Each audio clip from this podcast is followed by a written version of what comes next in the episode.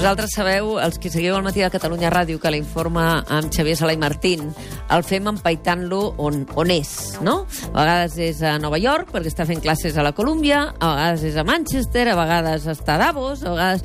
I avui és aquí, a l'estudi en directe, perquè la Facultat d'Informàtica de la Politècnica ha organitzat una edició anomenada Festivity, la festa de les tecnologies de la informació, i ha convidat en Xavier Sala i Martín a fer una conferència sobre el concepte del talent i, a més a més, el farà acompanyat d'un robot humanoide que es diu Pepper en la qual cosa a Xavier Sala i Martín serà tota una experiència, no? Sí, sí, tinc ganes de saber... Qui, això serà qui, interessant, com, no? Com funciona això del Pepper. Uh, en qualsevol cas, no han organitzat ara, és la, em sembla que és la, la quinzena edició. És la quinzena, sí, sí, la quinzena, és la quinzena edició. edició i em fa molta il·lusió poder eh, compartir una estona amb tots aquesta, aquests exestudiants d'informàtica, eh, que no és un camp que sigui el meu, però eh, diguem, per compartir Uh, per parlar de, de, de talent... què és el talent i, de, i què és de, la formació. Sí. I parlaré de talent encarat a la innovació, sí. encarat a, diguem, en el, en el camp en el que estan ells, que és el camp segurament el més dinàmic dels sí. últims 25 anys, el que, el que, el que ens ha fet uh, canviar la nostra vida d'una manera més radical. L'altre dia mirava el, el telèfon més venut de la història sí. encara és el Nokia 1110, eh? que es va fer l'any 2005 aquell, 2005, aquell, que... aquell petitet. Petitet, molt pràctic, sí, per cert, i sí. molt eficient era. Però l'altre dia el mirava, eh? el 2005. 2005, ah. no segle XVII. No, 2005. no, fa quatre dies. La pantalla era en blanc i negre. Sí, era petit, petit petiteta. Però, o sigui, l'any 2005, en, això de les pantalles ara que tenim, amb milions de píxels i que es veu perfectament quan cau una gota amb un, amb un got d'aigua, es veu perfectament, a, a l'any 2005, és a dir, fa 12 anys encara anàvem amb aquells mòbils Uh... Perquè us feu la idea a l'època que aquí es començava a reformar l'Estatut. sí. que és fa quatre dies, perquè d'aquells pobles estos lodos, però és fa quatre dies, fa, fa molt poc, sí, fa, fa 12 molt anys. Poc, molt poc. O sigui, l'iPhone, l'iPhone, o sigui, el, el, el concepte de telèfon intel·ligent, sí. arriba el 2007. Sí, sí. Um, I, per tant, hem viscut una gran revolució en molts camps, entre ells la telefonia i tal, però sempre darrere d'això hi ha hagut el, la revolució digital, la revolució que han fet els informàtics, que ha anat, ha anat tocant a tots els camps del món. La, la, la, la, la telefonia és un dels més, més el bèsties. El comerç és un altre. El comerç, la, la, la distribució, Uh, la gestió, de tot, tots els camps del món han, han patit uh, canvis brutals, però sempre és el que anomenem la, la tercera revolució industrial. Eh? La, revolució, la primera revolució industrial és la màquina de vapor, eh?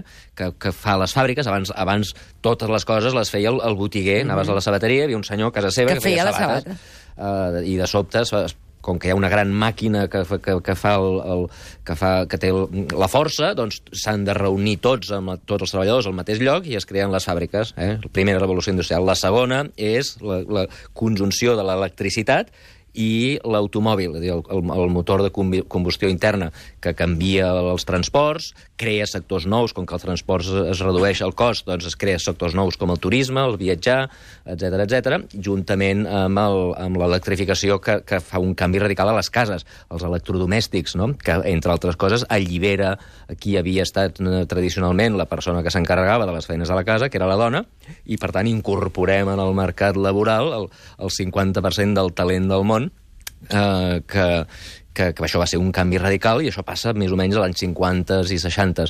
Uh, la tercera gran revolució ha estat uh, la digital, la informàtica, que va començar als, als 80, que va, va començar a ser efectiva als 80 amb el PC, tot i que els ordinadors són anteriors, Uh, I ara estem en una altra nova revolució, que és la conjunció de dotzenes de tecnologies brutals, cada una d'elles... Que combinades... Que combinades creen el que s'anomena la quarta revolució industrial. Alguns diuen que la quarta revolució no és res més que la tercera amplificada, perquè la base de tot això és la digitalització, la, la, uh -huh. la capacitat de fer coses molt, molt, molt ràpid, i, i fins i tot ara començar ja a fer eh, aprenentatge, no? Començar que les màquines, els robots, aquest senyor Pepper que ens presentaran avui, que, que siguin capaç d'aprendre, fins i tot de fer, de fer I de art. raonar al teu costat. De no? raonar i de fer poesia, fins i tot. Sí. Hi, hi, ha, hi ha robots que corregeixen exàmens, diuen que millors que els professors. Això. Per tant, nosaltres ens anirem al carrer aviat per això que s'anomena la intel·ligència artificial. Per tant, encantat de,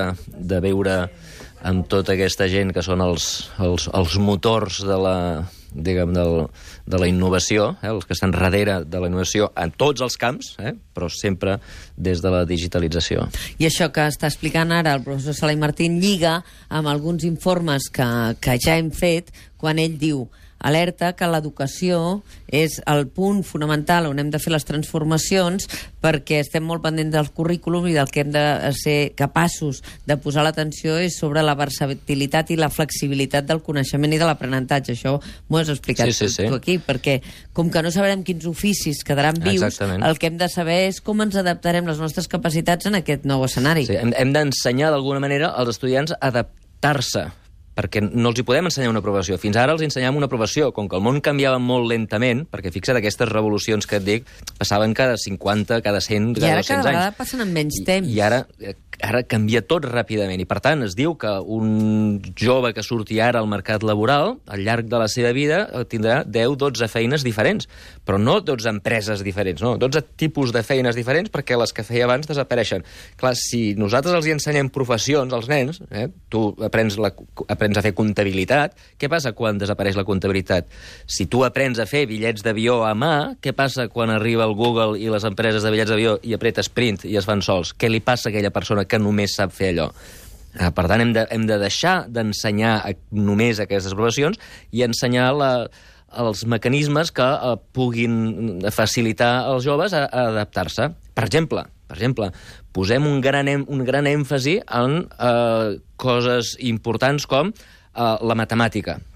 Eh? Uh, uh, que se sàpiga matemàtiques, que posem un gran èmfasi en els nens que són molt intel·ligents. Eh? Uh, però, en canvi, posem molt poc èmfasi en una cosa que es diu la voluntat eh? la, la, la, la força interior que et porta a estudiar. Si tu tens un gran talent per la matemàtica però no estudies, no arribaràs mai enlloc. Igual que si tens un gran talent per futbol però no entrenes. Aleshores, la pregunta és, es pot entrenar a que els nens tinguin voluntat de fer les coses? A que els nens tinguin autodisciplina, autocontrol? Fixa't que això ho deixem. Els nens que tenen autocontrol i estudien, aproven i se'n van cap a la universitat, i els nens que no els llancem a les escombraries, eh, fora del sistema, però no els hi ensenyem aquest autocontrol. Com s'ensenya l'autocontrol? Entens? Jo crec que les escoles, al final, hauran de ser més sobre autocontrol, sobre... que sobre competències Que so- específiques de exactament. cada matèria. Exactament. I per això, eh, quan el professor Salai Martín ens explica els índexs en els que se situa la competitivitat econòmica dels diferents països, que sempre diem, aquest país creix en aquest percentatge, o, pe, o té un dèficit, ell eh, sempre hi ha uns indicadors que són la inversió en educació, la inversió en aquests aspectes que millor estan més computats des del punt de vista social, però no tan econòmic, que són claus per veure quines economies realment s'estan situant Sí, sí. de manera competitiva en els escenaris de futur. Exactament, i intentem mesurar coses d'aquest tipus. Una altra cosa, per exemple, que és important i que em sembla que aquí fem malament, que és la diversitat. Eh? Uh, les idees són com daus. Eh? Uh, si tu mires un dau des d'aquesta banda i de què és, tu em diràs una paret blanca amb un punt negre al mig. I jo el miro des de l'altra banda et diré, no, no, és una paret amb sis punts. I que no, que no, que és un punt, que no, que són sis punts. I fins i tot pots fotre fotos al mòbil i enviar-me-les i demostrar-me... que- dos que és un- veritat. I les dues són veritat, i cap de les dues és veritat. Ah. Perquè llavors hi haurà una altra persona a l'esquerra i una altra a la dreta que dirà que no, que és un 5 i un 2, i una altra I dirà l'altre farà un plano sanitari i veurà... i dirà que és un 3, i l'altre veurà que és un 4. I només quan ens reunim tots, o quan viatgem al voltant de tot el DAO, o quan ens reunim a la gent que està als diferents punts del DAO, sabrem que no és ni una paret, ni dues parets, ni tres parets, sinó que, són, que és un DAO. Eh? Uh, amb les idees passa el mateix. Quantes vegades tu surts de la dutxa i dius oh, quina gran idea he tingut, i després arribes aquí a la redacció... La dius i, i- et, i, i- i, va, i et fan inputs d'aquí cap allà, la idea evoluciona i, la, i el que queda de la idea original... No s'assembla no res. amb res. I és això. O sigui, les idees van evolucionant a mida que tu vas trobant gent amb I a, punts a de mida vista que vas diferents. incorporant talent d'altres persones. Exactament. que és exactament. el que no t'ensenya el sistema, perquè el sistema individualitza el Exactament. recorregut de les persones en comptes de- d'enxassar-lo, no? Primera, primera, valorem molt la- l'anàlisi individual, els exàmens. Eh? Si tu en un examen col·labores amb un altre, et, et penalitzen. Mm. A la vida real, després, tu et, no pararàs de col·laborar amb els altres. Una altra cosa que si tu fas el dia de l'examen és mirar Google, et suspenen. I a la vida, quan tu tinguis problemes, no pararàs de mirar Google. Per tant, les dues coses que tu faràs a la vida, a la- l'acadèmia es- es penalitzen. Però se- segona, i, i més important encara, Fixa que la manera com seleccionem les escoles, qui va a les escoles, és per barris. Sí, sí. Per tant, tu, en el teu barri, et trobes la gent que és igual que tu. Els, els nens de Sarrià es troben nens de Sarrià, que tenen tots el mateix color de pell, el, el mateix, els mateixos tipus de pares... Que I no hi ha aquesta diversitat escoles, que és i no necessària per barrejar Exactament. realitats socioeconòmiques, culturals, Exactament. de tot tipus, no? Exactament. Per, exemple, per tant, només de, el triar com organitzem les escoles en aquest país, això ja, ja ens porta a un món en el qual els nens tindran una manera molt limitada de veure el món perquè no veuran, els nens que es van en un tipus d'escoles no veuran la realitat dels immigrants, dels pobres, dels, dels, eh, dels, que, té, dels, que, dels, dels que han hagut de, de, de patir, dels, eh, de, que venen de, gent que venen de guerres, no? perquè han, han estat en un Perquè no entorn... els tindran en el seu Perquè no entorn. tindran, perquè tu t'ha tocat, però no per culpa d'ells, eh? sinó que t'ha tocat, com que tu vius aquí, doncs et toquen a l'escola aquí, i punto. I si tu passes dos mar carrers més cap enllà, eh, ja no entres a l'escola, no? Per tant, aquest tipus de coses jo crec que fixa't que això no, eh, no entra, la, la matèria de, diguem, de, de intentar veure altres perspectives no entra per examen. Però no entra per examen a Catalunya, no, no, no entra examen a PISA. Sí, sí. O sigui, el món occidental ni tan sols és un valor. planteja. Però, en canvi, això seran el tipus de coses que als estudiants els hi serviran més. Clar, i per això, per avaluar les economies i com va el món, no? moltes vegades nosaltres, i, i quan ho fem des del punt de vista macroeconòmic, sempre insistim que Xavier Sala i Martín té una mirada sobre l'economia eh, des del punt de vista macro, eh, l'interès per tota aquesta realitat que, complexa, a vegades eh, nosaltres mateixos, i, i parlo del món de la comunicació, tendim a simplificar-la amb dades Sí, i amb còmputs sí. i amb rànquings. Eh, Equivocats. hi ha hagut un creixement de l'1,4, hi haurà un creixement el 2017 del 2,7, i no avaluem aquells factors que fan que això sigui possible, perquè perquè creixi un país, a lo millor n'hi ha un que està baixant. O, o no, o, o creix per raons equivocades. Eh? Tu pots créixer, per exemple, perquè has trobat petroli, mm. o pots créixer perquè és, eh, hi ha una guerra i has hagut de gastar molt en despesa militar. Eh? Hi, ha, hi ha creixement sa i creixement no sa, i No. no. creixement no sostenible. Si tu creixes perquè, mira, hi ha un, unes eleccions i el govern s'ha dedicat a gastar, gastar, gastar, gastar i endeutar-se, això no durarà, perquè el dia després de les eleccions hauran de tallar, com va passar amb el Zapatero l'any 2008, l'endemà de les eleccions va una crisi brutal perquè, perquè no...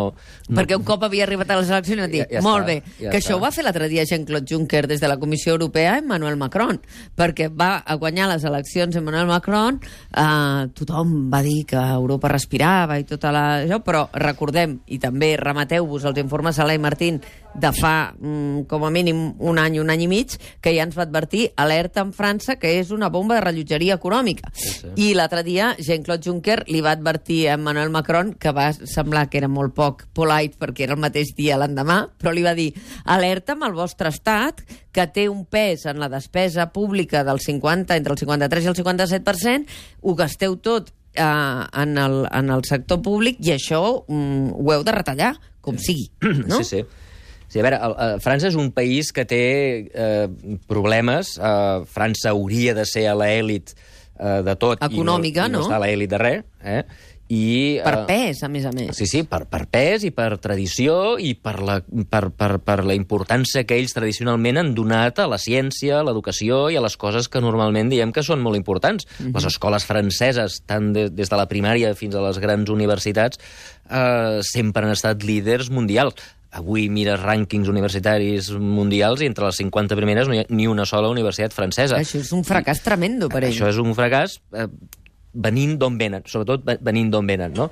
Però, a veure, el, el, jo crec que el, les eleccions franceses, a, a banda del tema, del tema econòmic, ara en parlaré d'aquí un moment, han, ens han mostrat de nou una cosa que es anem veient eh, sistemàticament, que és que, primera, el món, la divisió entre dretes i esquerres es va escardant. Eh? Aquí seguim pensant les dretes i les esquerres, ha, fins, hi ha, fins i tot hi ha partits eh, que diuen és que tu no ets prou d'esquerres, és que aquí tenim polítiques d'esquerres. Eh? Això cada vegada vol dir menys. Uh, I hem vist que la gent de l'extrema esquerra, de fet, han acabat votant a l'extrema dreta. Eh? Els... Una, no ho sabem exactament. Bueno, però, però eh, s'ha negat. Tothom ha, ha dit, to, tots els partits centrals han Sí. dit donem suport A Macron, a Macron perquè no vingui l'extrema guerra- eh, dreta, excepte l'extrema esquerra. que ha dit, que dit- absteniu-vos o voteu en blanc. Sí, però no, no, li, han, no li han donat. És a dir, que, que s'han donat, s'han- trobat, els, s'han trobat diguem, els, els líders, però és que a més s'han trobat els votants. Qui vota l'extrema dreta són els mateixos que abans votaven a l'extrema esquerra, votaven al Partit Comunista, a les, a, diguem, els treballadors. Els mateixos treballadors d'esquerres que tradicionalment votaven demòcrates que van acabar votant Trump. Eh, per què? Doncs perquè els acaben proposant el mateix. És a dir, la, la, la, en lloc d'esquerra-dretes, el món s'està dividint entre els que són pro-globalització i pro-canvi tecnològic, pro-progrés, i els que són antis. Uh, antiglobalització, eh? fixa't el discurs de l'extrema esquerra francesa i de l'extrema dreta, era en contra dels estrangers. Però en per raons contra... diferents. Sí? Uns per raons identitàries, de protecció de les essències... No, no, no, no, no, no, no. Una part no, sí. No, en contra de les empreses, per exemple. Les empreses multinacionals, o sigui, no estic parlant Sí. de la immigració, estic parlant, les grans multinacionals són dolentes tant per, la, per Le Pen com Sí. el Mélenchon. Com, per Com pel Pen Mélenchon. Com pel Mélenchon. Uh, la gran culpa de tot són les multinacionals americanes, el capitalisme neoliberal salvatge, és aquest discurs antiglobalització. Anticomerç són els que suposen en els tractats comercials, eh? tots allò, no el TIP, la TIPP, eh, a Estats Units també, quan va guanyar el Trump. Sí, sí. Antinafta, antitractats comercials, els dolents són els estrangers. Eh? En, en general, no són massa específics, en general. Després és veritat que en polítiques migratòries sí que hi ha una diferència. Uns volen que vingui tothom i els altres que no vingui ningú però, diguem, l'antiestrangerisme eh, es lliguen. I, en canvi, els altres són més pro, eh, eh, pro-globalització, mm. pro-canvi eh, canvi tecnològic, etc. A Europa, això, i això és el punt número dos, a Europa això es conjuga amb un altre debat que és pro-Europa i anti-Europa. Fixa't que els dos extrems Sí, sí. són anti-Europa. Eh? Uh, per les mateixes raons, segurament. Eh? Anti l'Europa del capital, anti l'Europa de les multinacionals, Bueno, anti... és per la, per la inoperància també de les institucions europees, Sí. no? uns diuen hem de sortir d'Europa, els altres ens hem de, hem de, hem de entrar, hem de, hem de Mantenir-nos. mantenir-nos, implicar-nos més i reformar-la, etc etc. És a dir, el que et vull dir, jo no, no estic dient qui és bo i qui és dolent, No, no, eh, però no. estic dient que, que, que el debat ara ja s'està barrejant i és per això que gent que vota comunista un dia vota Le Pen l'endemà. Són el, els mateixos, eh, perquè el discurs s'acaba juntant. Vale? Eh, I per tant, això és un, un, un, un, una cosa, un, du, dues coses importants. La tercera cosa important, i ara vaig a l'economia, és que Uh, això això uh, fa que, ta- també com ha passat als Estats Units, la gent uh, vulgui castigar els partits tradicionals.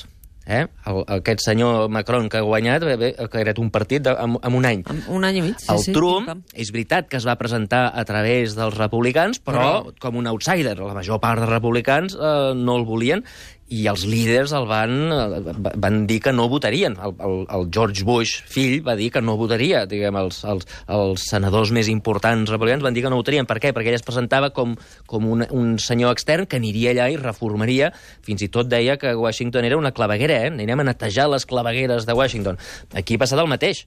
Eh, per primera vegada a la història, diguem, des de la cinquena república, a la, a la final, diguem, a la A segona la final ronda... no ha arribat ni, No ni ha arribat. republicans ni socialistes. Exacte, han guanyat dos outsiders eh, i això eh, i això el que comportarà, i ara sí que parlo d'economia, comportarà una cosa molt important que també coincideix amb el Trump i que és el primer que vaig dir quan l'endemà de les eleccions del Trump. I és que totes aquestes promeses que ens ha fet el senyor Macron no sabem si es compliran, perquè per complir necessitarà un Parlament darrere. Clar. I aquest senyor no tindrà cap partit fort, ja veurem què passa a les legislatives l'11 de juny, però, diguem, els, el, difícilment eh, el, tant socialistes com republicans li donaran suport. Per tant, o té una majoria aplastant ell, cosa que sembla complicada en aquests moments, o, diguem, tot el que ara ens ha promès, que si vols ara ho discutim, mm. tot el que ens ha promès de, de canvis radicals, doncs, de moment són paraules que no tenim ni idea de què s'implementarà, igual que no tenim ni idea de què farà el Trump, eh? Sí. depenent de, de si aconsegueix els vots o no aconsegueix els vots. De fet, els republicans des de, des de, des de no, sé si, si Chirac o, o, o Mitterrand, diguem, que sempre hi ha hagut alternança. Sí, sí. Eh? Uh, Cohabitació. Primer un partit, després l'altre, que anaven canviant. I cohabitació en el govern, un presidia, l'altre li encarregava, en alguns casos va sortir més aviat rana, altres vegades va sortir eh, més equilibrat, vull dir, depèn, Sí. depèn de la Però el que, el que passa ara és que, primera, la dreta està emprenyada perquè es pensava que li tocava amb ells, no? Aquest canvi d'anar anar canviant eh, amunt i avall, amunt i avall, doncs ara li tocava amunt i, i, i no ha passat. Per tant, els de la dreta tindran, no tindran cap mena d'incentiu a, a ajudar-lo i els de l'esquerra, ells, recordeu que va ser ministre socialista. Per tant, el veuen com un traïdor Sí. i, per tant, jo crec que viurà bastant sol i totes aquestes promeses que semblen, que semblen que semblen, a mi em semblen algunes d'elles positives, les seves propostes, eh, com per exemple retallar la, la burocràcia que tenen. O sigui, Treure funcionaris de l'Estat, per tenen, exemple, tenen, tenen... tenen una despesa pública més gran que Suècia, sí. que és el, és, el, és el país que sembla que és el màxim, però és que a més és ineficient. Uh, si, mira, per exemple, tornant a parlar del que parlàvem abans de la, de la, de la innovació. Sí. Um, les, uh, el món de la innovació, avui dia, si fent una, una cosa molt, molt bèstia, molt bèstia, diríem que el centre d'innovació és Estats Units, Àsia i nord d'Europa. O sigui, hi ha moltes startups famoses que han sortit surten de Finlàndia, de Suècia, etc etc. Però, en canvi, França... França està fora. O sigui, França està perdent el tren totalment, això, no? I, i una part... I, i això no, no vol dir que els francesos no siguin llestos, eh? El que passa és que els francesos llestos que volen participar en startups se- se'n van a Califòrnia. Sí, sí. Eh, perquè aquí és tan complicat, tanta regulació, tantes, bar tantes barreres, tants impostos, que un xaval que està començant diu aquí, aquí no podem fer. I, per tant, és bo que tot això se simplifiqui, i això és el que ell proposava, simplificar, perquè, perquè clar, tenen una, una taxa d'atur del 10%. Eh? que comparat amb la d'aquí és baixa, però la de juvenil és del 38%. Exacte, eh? però una taxa de juvenil que s'aprova el 40%. Sí, o sigui, sí. els xavals que surten de la universitat no tenen feina. Uh -huh. uh, per tant, tenen un país amb problemes. Tenen un deute que gairebé igual que l'espanyol. Sí, sí. del 100, 96%, i aquí està el, gairebé el 100. Exacte, és una, una, una, un dèficit que està per sobre de lo que ells van prometre que, que havia de ser Europa, que era el 3%, estan per sobre del 3%, 3,2%. Um, tenen un país amb greus problemes, no hi ha, sembla, és molt difícil arreglar-ho, però, clar, eh, totes aquestes propostes que ell fa... Eh, Veurem amb qui. veurem amb amb, qui. les, amb qui les vota. Xavier Sala i Martín, i en aquest cas una persona que eh, una de les coses que se li retreia allà i, i això lligava amb converses que teníem, eh, per exemple, amb un, amb un empresari del transport libanès que deia jo no el votaré de cap manera, em deia el dia abans de les eleccions, perquè em deia jo tinc una petita empresa de transports aquí i ell ho està uberitzant tot, que per cert ara sabíem que, que Uber ha rebut una bona trompada del Tribunal Europeu de Justícia perquè consideren que aquesta plataforma és una empresa de transports i que se'ls pot eh, demanar llicència, dona la raó als taxistes d'élite, aquí, eh, això, i tomba el model de negoci de- d'Uber, però el que passava a França és que consideraven que Macron estava uberitzant tota l'economia. I... Macron no ha fet res perquè encara no ha començat. Però... Quan va fer la llei Macron, quan, quan l'anomenada llei Macron i quan, quan ell era ministre d'Economia, ells consideren que estava anant en contra de la protecció de sectors eh, que ells consideraven que, que quedarien en mans de I aquest és el gran problema de. França. Aquest és el gran problema de França, val? que eh, són proteccionistes de, diguem, dels lobbies. Sí, sí. Eh? A França fa pocs van fer una cosa, una cosa ben curiosa. Van fer una, una llei que protegia sectors estratègics. Eh? Perquè mai diuen que són proteccionistes. Com que proteccionen aquella manera, diuen no, és, aquest és un sector estratègic que els estrangers no poden entrar a competir. Això també ho fan amb la cultura. Sí, ho fa, ho fa molt, molta gent eh, i, i els taxistes, òbviament, també. La, un dels sectors estratègics era el iogurt. Llavors, clar, tu has de pensar, quan un país diu que el iogurt és un sector estratègic, o bé la població té una flora intestinal extraordinàriament complicada que els polítics han de protegir, o bé hi ha una empresa que es diu Danone que demana ajuda al poder. Entens? Uh, jo, jo estic segur que és la primera raó, no? Però, com a hipòtesi, pensem que no, no serà que hi ha uns lobbies a darrere que estan impedint que hi hagi competència i que hi hagi progrés. Uh, quan va aparèixer, no sé si te recordes, quan va aparèixer Napster, Sí. eh? Napster uh, era aquella, aquella plataforma que permetia a la gent intercanviar música. Sí, sí. Eh? I hi va haver-hi dues... Uh, i, i, i, i, havia, i, tu posaves, fins a aquell moment, recordeu, el món era que tu quan volies escoltar música, o bé posaves Catalunya Ràdio, O anaves a comprar-te o un disc. anaves a comprar un CD, que t'obligaven aquells CDs que costava tant d'obrir el plàstic aquell, jo no sé per què Això no es va tant. resoldre mai. Però- Però... De fet, no s'ha resolt. No sé, encara Perquè encara els existeixen. Ah, sí? Sí, sí. Ah, que curiós, als museus. No, No? aquí, Ah, aquí, arriben. sí. Jo, jo, per exemple, ara, després de tu, sentiré una veu meravellosa que segur que a tu també t'agrada, que és la de Sílvia Pérez Cruz. Ui, tant. Val. Doncs jo he sentit tot el disc, no perquè tingués el CD, però el CD sortirà uh, demà, uh, de vestida CD. de nit, i sortirà un objecte molt Ah, sí? difícil de desembolicar, Sí. que es vendrà I molt difícil de posar, perquè la major part de de màquines ja el, no el tenim. cotxe, per exemple, jo ja no tinc tu ja no tens, per posar CD. No tens... No existeix, això. tens porta de què sé. Però, però bé, el món era el món de CDs, eh, que havia evolucionat dels discs de vinil i, del, i dels casets aquells que havies de passar ràpid amb el, Sí. amb el boli Vic eh, eh, de color, de, diguem... Quan s'estirava la cinta. Exacte. Doncs allò, allò eh, va permetre que de sobte la gent a l'ordinador pogués posar la seva música a l'ordinador i que una altra persona des d'un altre ordinador digués ah, m'agrada aquesta cançó i se la baixés i, i te la intercanviaves. Eh? I, I això ens va, a mi em va encantar, perquè de sobte jo vaig descobrir que tenia ganes d'escoltar una cançó, jo què sé, de, del José Luis Rodríguez del Puma, vale? que o anaves a la botiga i no ho trobaves, el José Clar. Luis Rodríguez del Puma, i escolta, buscaves José Luis Rodríguez el Puma a l'ordinador i pum, en menys de 20 segons el tenies. Clar. I això era una cosa meravellosa. Doncs, a veure, amb aquesta tecnologia, que per cert s'assembla bastant a Uber, Sí. um, van haver-hi dues reaccions. La primera eh, va ser la de l'empresa japonesa Sony, vale? que va agafar i els va portar als tribunals. I va dir, els drets d'autor són els més importants i aquí, eh, aquí Hem de a, protegir-ho. a la presó. Eh? I van començar a fer querelles i querelles i querelles. Semblaven el Tribunal Constitucional espanyol. No van parar de fotre querelles contra aquesta gent. Um, el, moltes les van guanyar, però tot allò no va acabar en lloc. Eh? Una altra estratègia, davant del mateix problema, va ser la que va fer servir Apple. Apple va dir, a veure, a veure, a veure, això ens ensenya que la gent, primera, no vol baixar-se tot el CD. Fixa't que només agrada una cançó. Una cançó, dues. Segona, vol el play instantani. Clar. Tu et lleves i, i, i has somiat Tu vols amb el sentir el José Puma? Del Puma, doncs has de baixar-ho en aquell moment. I van dir, saps què? Farem iTunes. I aquí Vendrem cançonetes, iTunes. vendrem cançonetes cada una a 99 cèntims, que la gent 99 cèntims gairebé li és, no, no, ni, ni us ho pensarà. Per tant, començaran a baixar com a bojos, s'acabaran gastant molt més que els 18 euros que val el CD, la gent tindrà la satisfacció Immediata, de poder-s'ho de la baixar cançó. immediata, i a més nosaltres els hi garantirem qualitat, cosa que no feia uh, uh, Napster, i és més, garantirem una altra cosa, que és que... Te recordes tots aquells discs negres que vas Sí. comprar quan eres petita? Que et vas gastar milers i milers i milers de pessetes i tot allò anat a les escombraries? Per què? Perquè va venir una nova tecnologia, que era el CD, que tots aquells discs ja no els vas poder escoltar mai més. Sí, sí. Doncs ara, quan canvi la tecnologia, el Rodríguez del Puma anirà amb tu. I quan en lloc de l'MP3 vingui l'MP4 i després vingui, tot anirà sempre amb tu. Estic descobrint que té una obsessió Xavier i Martín amb el Puma. Vull dir, tenim un problema. Eh, no, no, no, no, no sé ni... Sí, sí, hi havia... Quina cançó Jo era? ara famosa? sóc incapaç, viva, viva, però- la, viva la liberació, no? Viva, Viva la liberación, Viva la, Rodrigo. viva la, viva la liberación.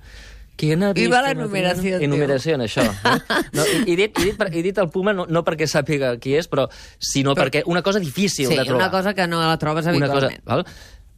Què t'estic dient amb això? Hi ha dues maneres de reaccionar davant d'aquesta tecnologia. Una és intentar aturar-la. Fracassaràs. No tinguis cap dubte que els taxis fracassaran. Per més lleis que ara passin, per més que els intentin protegir, l'altra estratègia és que els taxis diguin a veure, què vol la gent? I què podem Què- fer què- què per busquen d'Uber? Què busquen? Aplicacions, no sé Bu- què, tal, tal, que és el que estan fent molts. Exacte, Que exacte. estan sentint. Què, estan intent... què vol la gent? Doncs adapta't. I no hi ha cap raó perquè els taxis no ho facin. Fes aplicacions de taxi que tu puguis també veure a on està el taxi. Què és el que vol la gent? Veure en, el, en lloc del mapa on està el cotxe I quan d'Uber? trigarà? Quan trigarà? Ah. Uh, Tenir-lo instantàniament? Què busquen? Doncs fes-ho tu també. No. M'entens? No, intentar posar una llei que digui prohibida la tecnologia serà fracàs. Sony va fracassar. Entens? I qui va acabar triomfant va ser Apple eh? i el iTunes. Doncs, escolta'm, fem lo mateix. Per tant, totes aquestes notícies de que els tribunals europeus donen la raó, tot això és temporal. A la llarga, la tecnologia sortirà i, i, sortirà, i acabarà guanyant. I els taxistes que no s'adaptin es moriran. No, ha, no estic dient que els taxistes eh, que, que siguin dolents, eh? Els taxistes el que han de fer és, és um, Adaptar-se. adaptar-se i no hi ha cap raó per, no, per no fer-ho. Oi que, oi que s'han adaptat al telèfon? Clar. Oi que s'han adaptat al telèfon? Oi que de, primer va- van venir unes empreses de, de cotxe per telèfon i els taxistes s'hi van oposar i al final totes han acabat per telèfon? Doncs feu el mateix. I ho fan. Entens? I, I alguns ho fan, i alguns ho fan. I, jo tinc una app, de, app, app aplicació de, de taxis a Barcelona que jo la faig servir. Ah. Agafo i ja, ja no truco per telèfon, agafo l'aplicació, apreto i em ve un taxi. Entens? Per què? Perquè a mi m'interessa la comoditat Clar, clar. de, de, de l'aplicació. A més, jo visc en una zona que no hi ha taxis, no pots sortir al carrer a treure la mà que surti un I taxi. venen. I venen. Per tant, uh, adaptem-nos a les noves tecnologies i no anem en contra, perquè podeu anar en contra si voleu, eh? però acabareu perdent, ja us ho dic. Uh, acomiadem a Xavier Sala i Martín amb una notícia, uh, perquè si a Emmanuel Macron el demonitzen en part per ser un golden boy de la banca Rothschild, el que és evident és que la banca, amb algunes intervencions d'alguns expolítics, han donat bastants disgustos. El jutge està processant Rato Aceves i 32 exdirectius més de Bànquia per la sortida a borsa, perquè s'ha acabat la instrucció des de l'Audiència Nacional de Fernando Andreu del cas de Bànquia, que investiga la sortida, recordem-ho, i els han processat a 34, eh, entre els quals eh, Rodrigo Rato té algunes altres ja processos oberts, però aquest, que era el cas de Bànquia, que era el cas gros, la sortida de Bànquia s'ha acabat la instrucció. Sí, hi, hi haurien, hi haurien de, de processar també la gent del Banco d'Espanya i a la gent de la Comissió Nacional del Mercado de Valores, perquè nosaltres ens hem dotat d'un sistema en el qual les iaies que no saben res de finances es refien de les institucions reguladores perquè siguin ells els que investiguin i li diguin a la iaia, senyora iaia, aquesta acció és, eh, és segura. Vostè, eh, nosaltres ens hem mirat els números i vostè pot comprar aquesta acció. No, no hi ha cap acció segura perquè totes poden pujar i baixar, però no hi ha criminals a darrere, les, la comptabilitat és correcta, no hi ha mentides, eh, nosaltres ho hem mirat i nosaltres ho garantim. Això no van fer bé la seva feina i, per tant, tan responsables com la gent de Bànquia són els reguladors i els supervisors que els van permetre sortir a borsa. Xavier Sala i Martín, moltíssimes gràcies. Fins aquí 15 dies. Bon dia. Numeral, numeral, viva la numeración. ¿Quién ha visto matrimonio sin correa amonestación? Amb Mònica Terribas, al matí de Catalunya Ràdio.